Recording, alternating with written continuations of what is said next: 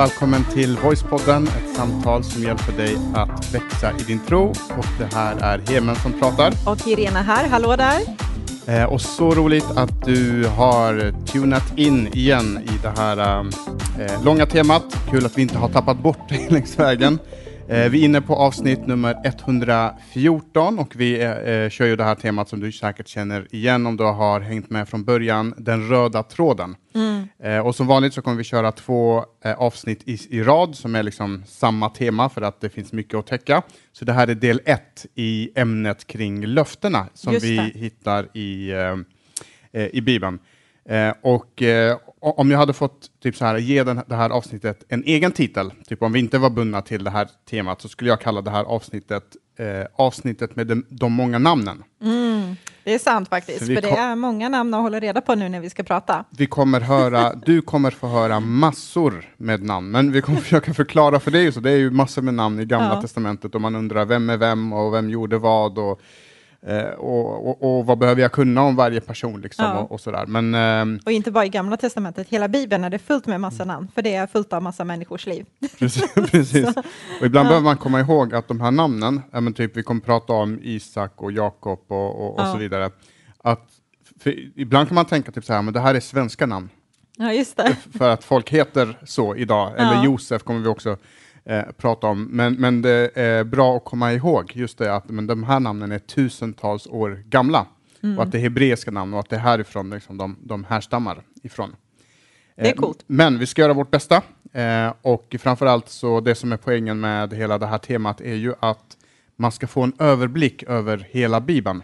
Eh, och det är ju vår uppgift att försöka hjälpa dig som lyssnar att så här, men vad är viktigt att veta? Mm. Eh, för det finns hur mycket grejer man skulle kunna ägna typ en hel termin om, om varenda liten del i, i det här. Eh, så det tror jag kommer bli eh, superduperbra. Ja, men jag tror också det. Jag är superpepp. Eh, och vi ska prata lite om det här, för de här namnen är ganska viktiga så här, att ha lite koll på. Vad betyder det? Eller vad händer i deras liv? Hur, håller det, hur hör det ihop med Nya Testamentet och så vidare? För i Gamla Testamentet så kan man läsa mycket om de här där Gud refererar tillbaka till de här förbunden. Vi har ju nämnt dem och pratat lite om dem, men just det här att han säger att jag är Abrahams, Isaks och Jakobs Gud. Typ när han pratar med Moses så använder Gud i den meningen. Och även också om vi hoppar över till Nya Testamentet så ser vi där att Jesus refererar till just det Gud säger, att jag är Abrahams, Isaks och Jakobs, Jakobs Gud. Mm. Och, och, och, det ska bli spännande. Ja, och bara, bara att, att Bibeln säger, säger just det här, de här tre namnen funkar, eller sägs ofta ihop, precis ja. som du sa. Jag är Abraham, Isaks och Jakobs Gud. Ja. Om man lär sig dem utan till och sen lägger man till Josef på slutet, mm. så har man en slags eh, kronologi. Då vet man att först kom Abraham, sen kom Isak, sen kom Jakob och sen kom Josef. Mm. Och alla de kommer i ett slags släktled, för de är släkt allihop. Så Abraham var pappa till Isak, ja. Isak var pappa till Jakob och Jakob var pappa till Josef. Mm. Så eh, lite, lite, eh, jag tror att det är så här ett pedagogiskt grepp som Bibeln försöker ha just där. Ja, ja och, och försöka... så bra förtydliga det också, för det är många namn där. Men ska vi kicka igång och snacka lite om, eh, om den första? Jag tycker det. Så det heter alltså Abraham, Isaks och Jakobs Gud. Så jag tänkte att vi börjar från början och sen så tar vi dem steg för steg neråt och så lägger vi till Josef på slutet och sen också Eh, Mose kommer vi också, innan det här ämnet kring löftena är slut, så kommer vi också eh, få med det. Men om vi börjar med Abraham, vem var Abraham och vad har han med kring det här med eh, titeln på det här avsnittet att göra, det vill säga löften? Mm, ja, men Abraham är ju en sån här känd figur, liksom. Eh, och då tänker inte jag på den här snapsvisan Fader Abraham, utan det, det är liksom utifrån Bibeln så, så är han ganska stor profil i Gamla Testamentet. Och Abraham han får ett löfte från Gud om att, jag tror att vi har nämnt det tidigare, men just om att han ska bli fader för många folk. Liksom. Och vad som händer är att det verkar som att allt ska gå åt alltså, helt fel håll när Abraham försöker att få de här löftena att hända genom sin egen liksom, påverkan. För han blir så extremt otålig. Han tar saker i egna händer och jag eh, blamear inte honom alls kring det, för han och hans fru har känt en längtan efter att få det här barnet i så många år. De är väldigt gamla när Gud kommer med löfte. Åren går, ingenting händer. Efter alla försök så känner de så här, det finns ingen positiv prognos i det här. Mm, och grejen är också att, uh, att alltså, han, ska, han får löftet att han ska bli fader till många folk. Och för att kunna bli fader till många folk så måste man åtminstone få ett barn. Exakt, Eh, Men i det här fallet så har de inte ett enda barn. Eh, Och de, precis som du säger, de börjar bli gamla, tiden börjar rinna ut, liksom den biologiska klockan tickar som man säger. Eh, och de har fortfarande inget barn, men de har med sig det här löftet. Eh, och, och vi pratar inte om typ så här eh, några veckors förlängd väntan eller typ några månader eller ens ett eller två år. Utan vi pratar alltså massvis med år. De bara väntar år in och år ut och det händer ingenting. Nej, precis. Och jag, jag förstår dem mänskligt sett, liksom efter den här längtan. Vad de gör är att de försöker komma med en egen lösning för att infria Guds löften. Och bara det i sig för, tänker man logiskt där, hur ska det gå? Hur ska vi som människor kunna i egen kraft infria någonting som Gud har tänkt att det ska ske på ett övernaturligt sätt? Liksom. Men vad som händer är att eh, Sara kommer på den här galna idén och det i sig visar ju bara på hennes desperation och det är en, ett helt eget samtal i vad som händer när vi människor blir desperata och när våra hjärtan blir nästan sjuka av en längtan. Men vad som händer är att eh, Sara tycker att hennes idé är bra så hon ber Abraham ligga med Hagar eh, som är deras eh, sla slav Tjänsteflicka. eh, tjänsteflicka. Eh, och på det sättet så tänker hon, "Ja, men då säkrar jag i alla fall att det här arvet kommer att gå vidare. De får den här sonen de har längtat efter eh, och så försöker de hitta en genväg mot det löftet som Gud har gett dem. Liksom. Och, och här känner jag bara att man måste nästan stanna upp Ja. bara för att fundera på vad är, det, alltså vad är det som egentligen händer här? Mm. Eh, och jag, jag tänker speciellt, Eh, eh, eller hur, hur hade, du, hade du kunnat göra en sån grej som Abraham? Alltså det är så, det, grejen är så här, det är så lätt att man, så mycket i Bibeln som vi läser kring, tänker vi så här, ah, jag hade aldrig gjort det där, ah, men vad dumt att han inte hade mer tro, eller ah, men att den gjorde så och så, oj vad konstig hon var som liksom eh, ville göra det här. Men jag tror inte vi förstår ibland, jag tror vissa av oss kan förstå, men kanske gemene man kanske inte alltid förstår den här djupa längtan och desperationen efter att få det där man har längtat efter så mycket. Och jag tror vissa kan känna igen sig i det, men det är en galen grej. Jag hade nog aldrig gjort det. Alltså jag hade, nej jag skulle inte säga vad jag skulle göra, men jag skulle absolut och- inte och då- göra och det det är där, just det är så galet. Och det är just därför jag, Men- och, och anledningen till att jag frågar är just därför, för att jag vet ju eh, vilket hot jag Ja. lever under. Ja, det är du- som- inget hot om man inte du- känner att man är i närheten av det, min käraste. Nej, men som, som du har eh, utsatt mig för och gett mig när du har sagt Utsatt att eh, om, om du skulle vara otrogen, då skulle jag minsann, vad skulle du gjort då? Äh, men eh, hugga av din snorre. Knyta den. Och det här är alltså på riktigt, det här är inte...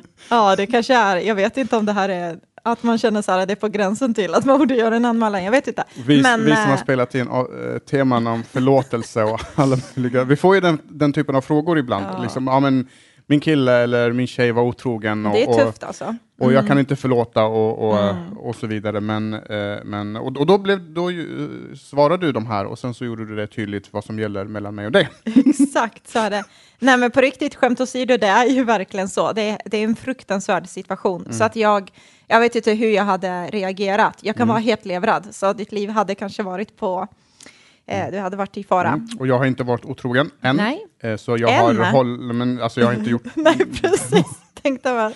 eh, och, och den är i behåll så att säga. Och, eh, Allt är vi, i sin ordning. Vi går tillbaka till Abraham och vi Sara. håller oss till ämnet helt enkelt.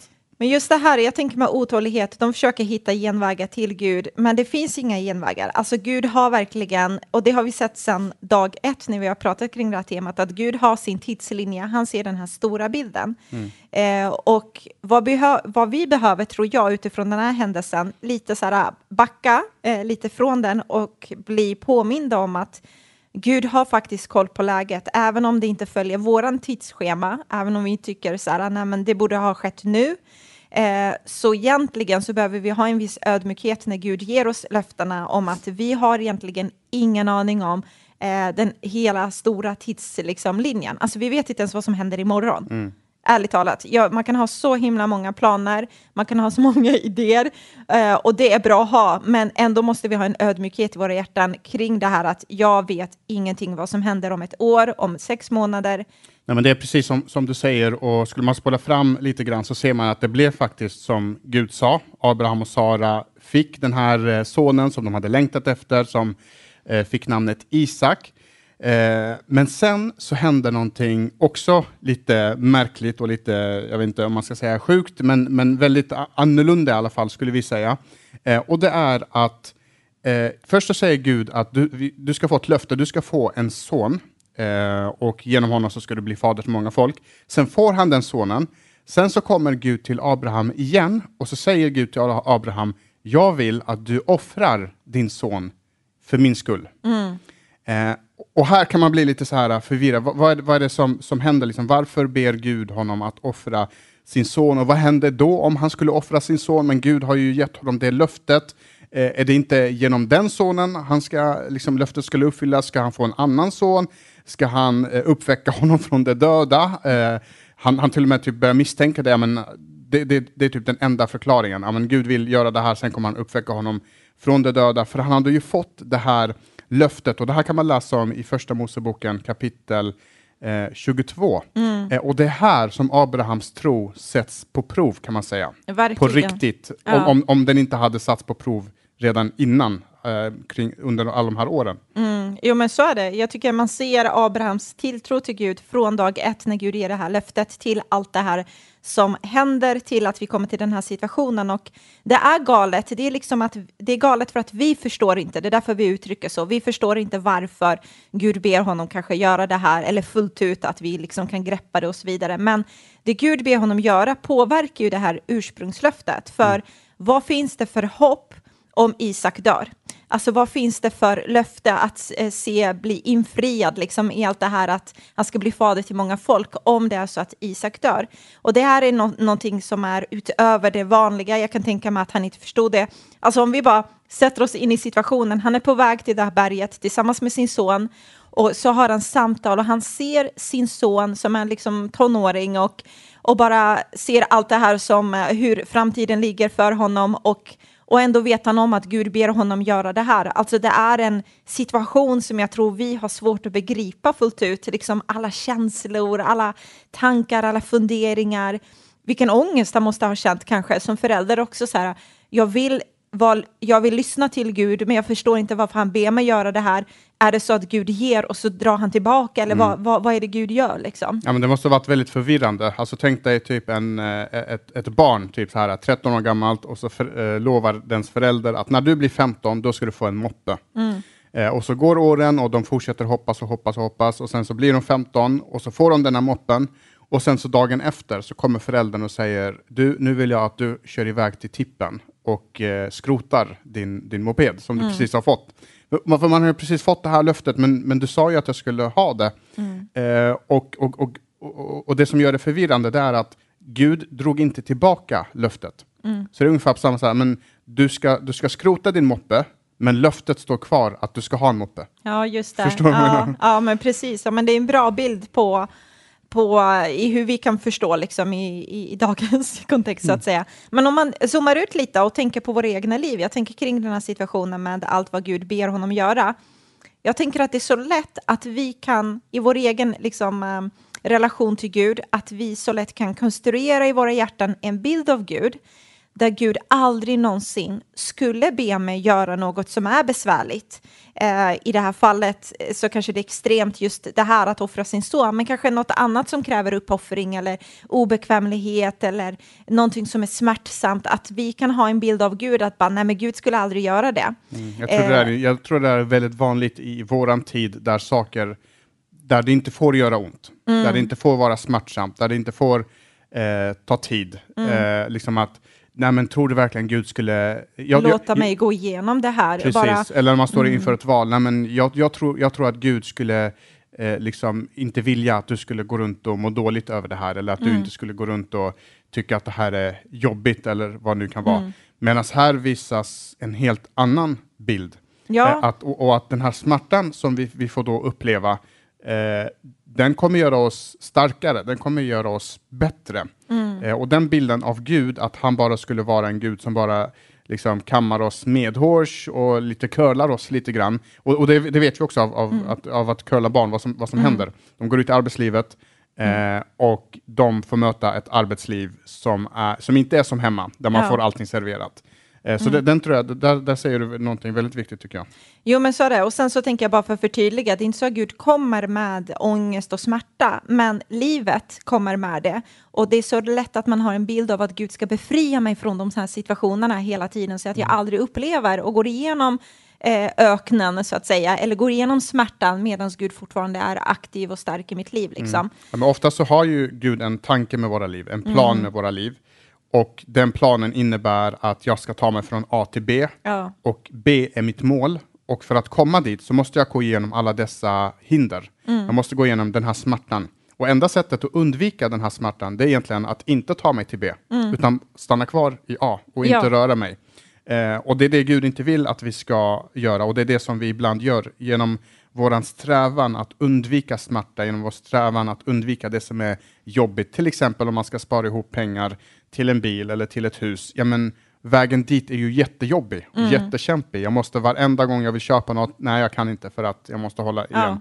Men målet eh, finns ju där och jag kommer tacka mig själv om jag går igenom den här smärtan och det kommer forma min karaktär eh, och så vidare och så vidare. Ja, men det, jag håller med dig. Och sen tittar vi i Nya Testamentet till exempel och tar Jesus ord seriöst eh, och försöker liksom applicera det i våra liv så är det lite smärtsamt det han ber oss göra, det vill säga att inte bara leva för oss själva utan tänka på den andras bästa. Eh, det, alltså tar vi det, det är jättefin liksom, bibeltext som vi har i, eh, i ett av breven där det står liksom, tänk inte bara på ditt eget bästa utan se till den andras. Eh, och ser vi amen till det och vi delar det på Instagram, men hur ser det ut på riktigt? Det är lite smärtsamt. Alltså jag, egot tycker det är smärtsamt, men jag vill tänka på mig själv. Jag vill sitta bekvämt här. Varför ska jag resa mig upp för att någon annan ska sitta? Jag är också trött i mina ben efter en hel arbetsdag. Liksom. Men du vet, Ja. sådana saker. Men vi går vidare. Det jag tänker på med Abraham, om vi går tillbaka där, är att jag tycker inte att vi bör se den här händelsen endast som en sån här imponerande situation kring Abrahams tro i sig självt. Typ så här att man blir imponerad, wow vad grym du är Abraham.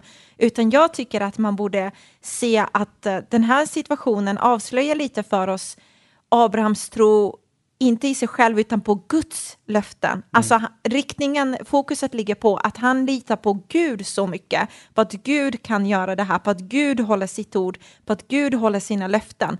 Och det blir en helt annan liksom, bild på situationen än att man bara liksom kapar av och säger Abraham var så grym. Ja, exakt. Och, och det här också ska man komma ihåg utifrån att, alltså att Abraham trodde på Gud, eh, eller trodde på de löften som Gud hade gett, trots att han visste att om, om jag offrar Abraham nu så finns det en risk att det här inte blir av. Men det var inte så han tänkte. Eh, och och det, det ser vi också i eh, Hebreerbrevet, ett brev som är skrivet i Nya Testamentet. Ganska långt fram så står det i Hebreerbrevet kapitel 11 och vers 17 så står det så här att i tro bar Abraham fram sin son Isak som ett offer när han sattes på prov. Han var beredd att offra sin enda son, han som fått löftena. Så där har vi det, liksom, kontrasten mellan hur ska det här gå till? Han ska offra sin son, men han har det här löftet. Gud hade ju sagt till honom, det är bara Isaks efterkommande som ska räknas som dina ättlingar. Understryk det där i din bibel. Precis, det är bara den här Isak och, det, och, och, och trots att det bara är han så vill jag att nu ska du ta honom och så vill jag att du offrar honom. Eh, och så står det i vers 19 då, men Abraham tänkte att Gud till och med kunde uppväcka döda. Och billigt talat fick han ju tillbaka eh, Isak från de döda. Så det här var liksom Abrahams sätt att resonera. Jag vet Gud, du har sagt, jag bryr mig inte om liksom hur, till och med hur, liksom hur jag tänker logiskt, jag bryr mig inte hur omständigheterna ser ut. Du har sagt att genom Isak så kommer jag bli far till många folk. Och det är inte bara faderskapet som är det intressanta, utan just att det kommer komma en stor nation genom eh, då den här sonen. Du har sagt det, om du nu ber mig att offra min son Isak, då får du stå för det här. Eh, jag tror på dina löften så pass mycket, så jag, och jag har min tro liksom så djupt rotad i det här löftet och i dig Gud, att jag vet att du kommer lösa det. Det du ber mig om att göra nu, det är kontraproduktivt. Det, det du ber mig göra, det är att det, det går inte eh, åt att, mot liksom att löftet ska uppfyllas, utan svärt, eh, tvärtom.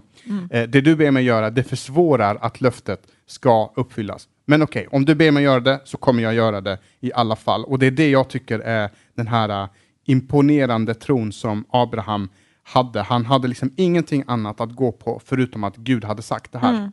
Precis, och det är så häftigt för att han visste att framtiden för löftena var just beroende av Isaks överlevnad. Alltså jag tycker det är så himla coolt. Och en annan grej är att det visar på hans tro, att den var så djupt, djupt rotad. Alltså han visste någonting om Gud och det var så djupt rotat i hans hjärta, att han måste ha känt sig så trygg med Guds karaktär, han måste ha känt sig så trygg i att Gud är en Gud som håller sitt ord, Gud är en Gud som håller sina löften. Han liksom ändrar sig inte utifrån eh, hur han känner eller hur morgondagen har börjat, utan han är en Gud som man kan räkna med, även om jag mänskligt sett begriper inte det här, förstår inte det här fullt ut, så litar jag på hans karaktär mer än min egen förståelse av situationen. Och jag tycker att den här situationen och den här händelsen, igen om vi tittar på våra egna liv, alltså det utmanar oss också. Jag tycker det. Alltså om jag ska ställa en fråga till mig själv eller till dig och till dig som lyssnar, så borde man ställa lite frågan utifrån det här, men hur känner jag Gud? Mm. Alltså känner jag Gud? Vet jag verkligen vem han är? Eller har jag en relation till Gud och jag vet saker om honom? Eller är det en relation som är lite så här smått ytlig, att så fort jag liksom snubblar över en sten så ifrågasätter jag i princip typ allt. Jag ifrågasätter kring Guds löfte, jag ifrågasätter kring Guds existens till och med, jag ifrågasätter kring min framtid. Så fort det inte går i linje med hur jag tycker mm. att livet ska vara eller hur jag tycker att Gud borde agera i den här situationen. Mm. Så jag tycker hans, alltså Abrahams situation utmanar oss i vår gudsrelation eh, till att verkligen så här, jag vill lära känna Gud så djupt i mitt hjärta i att jag vet att jag vet att jag vet att Gud är en sån här Gud. Mm. Och, eh, och, det här uppmanar oss också, uppmuntrar oss också att ha en förstahandsrelation med Gud. Mm. Det jag tycker är ett stort problem idag, en stor utmaning som jag ser, eh, det pågår hela tiden så här diskussioner i eh, svenska så här, kristna tidningar om eh, varför lämnar unga vuxna kyrkan och, och, så vidare. Och det finns säkert sår och smärta och alla de här eh, sakerna. Men jag tycker, det jag har sett många gånger, det är bland väldigt många, det är att min tro bygger inte på en relation direkt med Gud, utan den bygger på en relation genom en pastor, mm. eller genom en präst, eller, eller genom, genom, en upplevelse. Genom en upplevelse, eller genom en, en, en ledare, vilket gör att den ledaren har sagt så här, och så blev det inte som den ledaren sa, och därför så eh, liksom tappar jag min tro på Gud. Mm. Så det är inte att Gud har svikit mig, utan det är att den här ledaren har svikit mig, eller den här pastorn har svikit mig. Eh, och det här verkligen upp, uppmuntrar oss att verkligen amen, göra upplevelser med Gud, ha ja. den här relationen med Gud och inte låta min relation till Gud gå igenom någon annans löften. Ja, För det är inte människors löften som kommer hålla, Nej, utan det, det, är Guds löften som kommer hålla. Och det är till, hon, och, och det till honom jag kan liksom hålla upp min arm och säga, och liksom mot Gud och säga, va, det blev inte som du hade sagt, varför? Mm. Och så får jag ha den här brottningskampen, för han kommer kunna stå för det han har sagt. Men människor kommer inte kunna stå för det de har sagt. Mm, ja, men eh. så är det verkligen. Och vad vi kan se här är att Gud ser den stora bilden som vi pratade om innan och i sista minut, tillbaka till Abraham, eh, så sänder Gud ett djur som ska slaktas då istället för att offra Isak. Mm. Eh, och, det är inte i sista minut. Nej, men det är i sista sekund. Ja, alltså, han, alltså, kniven är uppe i luften och han är mm. på väg och liksom ja. eh, så här. Eh, och då säger Gud stopp, ta den här eh, ja. baggen istället. Och, eh, och offra den. Så Gud hade ju en plan, han hade en tanke, han hade kunnat uppväcka Isak från de döda, men han valde att avbryta hela eh, grejen och, så, och, och, för, och det är just på grund av det som Hebreerbrevet eh, talar om för oss, att det här var ett test eh, mot Abraham, alltså Gud testade Abrahams tro. Mm. Eh, och han testade inte bara för att se hur duktig är Abraham. Nu ska, nu ska vi minsann se om han får 1, 2, 3, 4 eller 5 i betyg, eller A, B, C eller, mm. D, eller F i betyg. Utan det här handlar om att Abraham, jag vill att du själv ska, ska pröva din egen tro. Mm. Håller din tro hela vägen. Och Abraham kunde se på sig själv och säga yes, min tro höll på hela vägen. Men inte bara för att jag hade en stark tro, utan för att jag lärde känna en Gud som var så trofast så att det var inte ens svårt att lita på honom när mm. han hade sagt någonting. Ja, men precis. Verkligen. Så en liten kort grej, sammanfattning utifrån det du säger Heman, är att vi kan lita på Guds löften även när vi inte kan förstå vad Gud gör i våra liv. Och, eh, och det tar vi inspiration av från Abraham.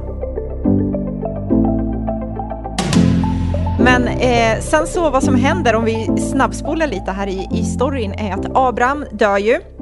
Och framtiden för att just Guds löften ska ske ligger nu som vi har pratat om på hans son Isak. Isak i sin tur, nu kommer många namn här, håll i alltså. Isak i sin tur gifter sig med Rebecka och de får två söner. Så de har Jakob och Esau. Eh, Esau, han är den äldsta sonen eh, och Jakob är den yngsta brorsan. Men det är ändå så att det är Jakob som får sin fars välsignelse, mm. vilket är lite speciellt. För ibland, för eh, ofta så brukar det vara den äldsta sonen. Den förstfödda. Den, den förstfödde, det är den som får löftet vidare. Precis. Eh, och vad som händer här är att eh, när man tittar lite närmare på den här storyn, jag tror inte vi har tid för det, men det man kan se på Jakob är att han är verkligen inte det självklara valet om man tittar på hur han beter sig och även också hur traditionen är. Han är den yngsta sonen som du säger. Och dessutom så har han så extremt dålig karaktär, för han lurar till sig Guds välsignelse vid två tillfällen. Eh, och Esau är den här brorsan som, alltså Jakob var så kreativ för att Esau är den här storebror som var superhårig, det är mm. det han är känd för. Tänk att få med det liksom mm. flera tusen år senare, så han måste ha varit riktigt hårig för att det liksom framkommer tydligt. Ja, vi satt en kväll, en fredagkväll tror jag, eller vad det nu var, Eh, och plötsligt så får vi ett sms från min eh, bror och hans eh, fru. Ja. Och så sitter de och tittar på, eh, vad heter det, Post, Postkodlotteriet heter det väl? Just det. Eh, och, och då kom den här frågan upp, vem var liksom den ludne eh, av, av, av de här? Ja. Och han fick, han fick svar på fem sekunder, liksom, va, ska man kunna något sånt? Ja, Men, och det är just det som är lite märkligt här, att han var att det är så, att det är så specifikt. Ja. Att Esau, han var den hårigare brorsan av de här två. Mm. Och det finns en anledning till det. Mm. Jo, men anledningen är ju, var, varför det framkommer är ju för att Jakob lurar ju till sig eh, sin fars välsignelse. Han skulle egentligen välsigna Esau, Eh, men eh, sedan så lurar han till sig eh, hans välsignelse genom att klä ut sig till, till Esau då. Mm. och la på liksom fake skinn med massa hårig hud på. Och på det sättet så trodde hans pappa då att det var Esau, så han tog emot välsignelsen på det sättet. Man mm. kan läsa om det i första Moseboken, där kapitel 27. Men det vi, det vi lär oss av den här eh, händelsen är än en gång en princip som gäller genom hela Bibeln och det är att Gud väljer inte människor på grund av deras meriter. Jakob är en väldigt bra exempel till det.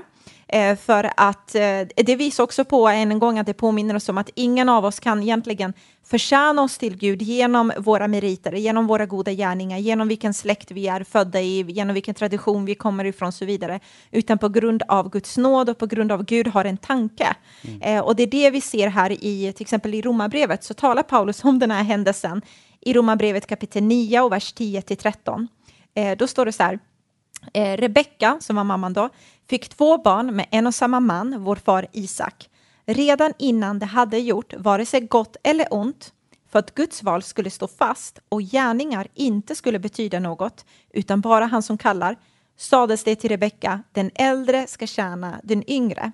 Här visar det på att Gud hade en tanke med just det här släktträdet, Gud hade en tanke med Jakobs liv, eh, med att det skulle bli den här röda tråden för att Guds rike skulle liksom fortskrida, Guds tanke skulle liksom gå framåt eh, och därför så blev Jakob liksom den som fick ta emot det. Mm, exakt, och jag gillar det som står i vers 11, att redan de hade gjort vare sig gott eller ont. Mm. Alltså verkligen, det berodde verkligen inte på eh, någon av deras meriter, utan det berodde bara på att Gud hade bestämt sig för att det är den här personen, och så blev det ja. eh, den personen. Och, och, och att hela det här vilar just på Guds nåd. Att, alltså att jag har det gott ställt med Gud, att jag är rättfärdig med Gud, beror inte på att jag har gjort gott eller ont, för jag har gjort både gott och ont, mm. eh, utan det beror på Guds eh, vilja att försonas med mänskligheten, det beror på Guds nåd, Guds kärlek till mänskligheten och att det är på den grunden som hela den kristna tron vilar. Eh, och, och, just det här som det står att eh, eh, för att Guds val skulle stå fast och gärningar inte skulle betyda något i mm. vers 12. Alltså det skulle inte bero på dina gärningar. För du ska, du ska inte kunna eh, slå dig på bröstet och klappa dig på axeln och säga se vad duktig jag var.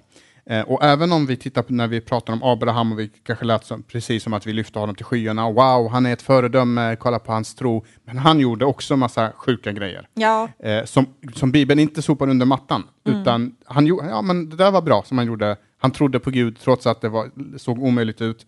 Eh, men, men det var inte det som gjorde att Gud utvalde just honom, utan det var Guds godhet och att det inte skulle bero på oss själva, utan det skulle Ja. bero på, vi ska, vi, ska, vi ska inte kunna berömma oss själva, utan bara av Gud. Ja, och jag menar, kollar man på Jakob så visste han i sitt hjärta att jag har fått ärva den här välsignelsen bara genom att jag försökt liksom hitta egna lösningar till det, men man ser att Guds nåd var där över hans liv.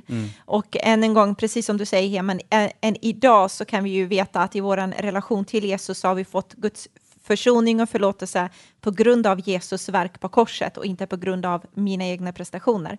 Och vad vi kan se i den här händelsen är att Abraham, han var då i förbund med Gud, om vi liksom bara går tillbaka där för att få med oss hela den här röda tråden. Abraham i förbund med Gud, hans son Isak kommer till genom Guds löften på ett övernaturligt sätt.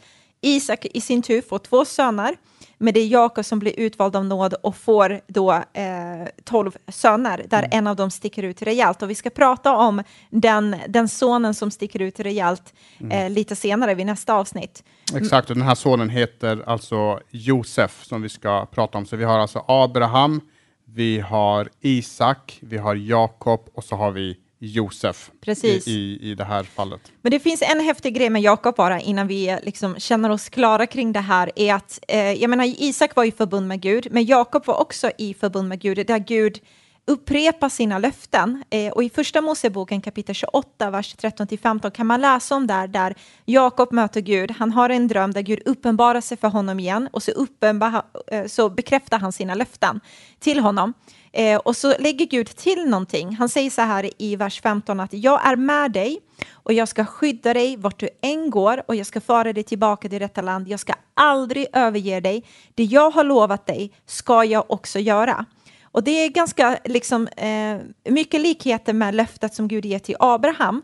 Men det skiljer sig lite, utan det vi kan se här är att det finns inte bara löftet om det här landet de ska inta, eh, som vi har pratat om tidigare. Riket liksom. Precis. Eh, det finns inte bara löftet om många ättlingar, de ska vara många folk, utan det är också ett, Eller ett folk, men ett folk. Ja, många precis. människor. många människor. Tack.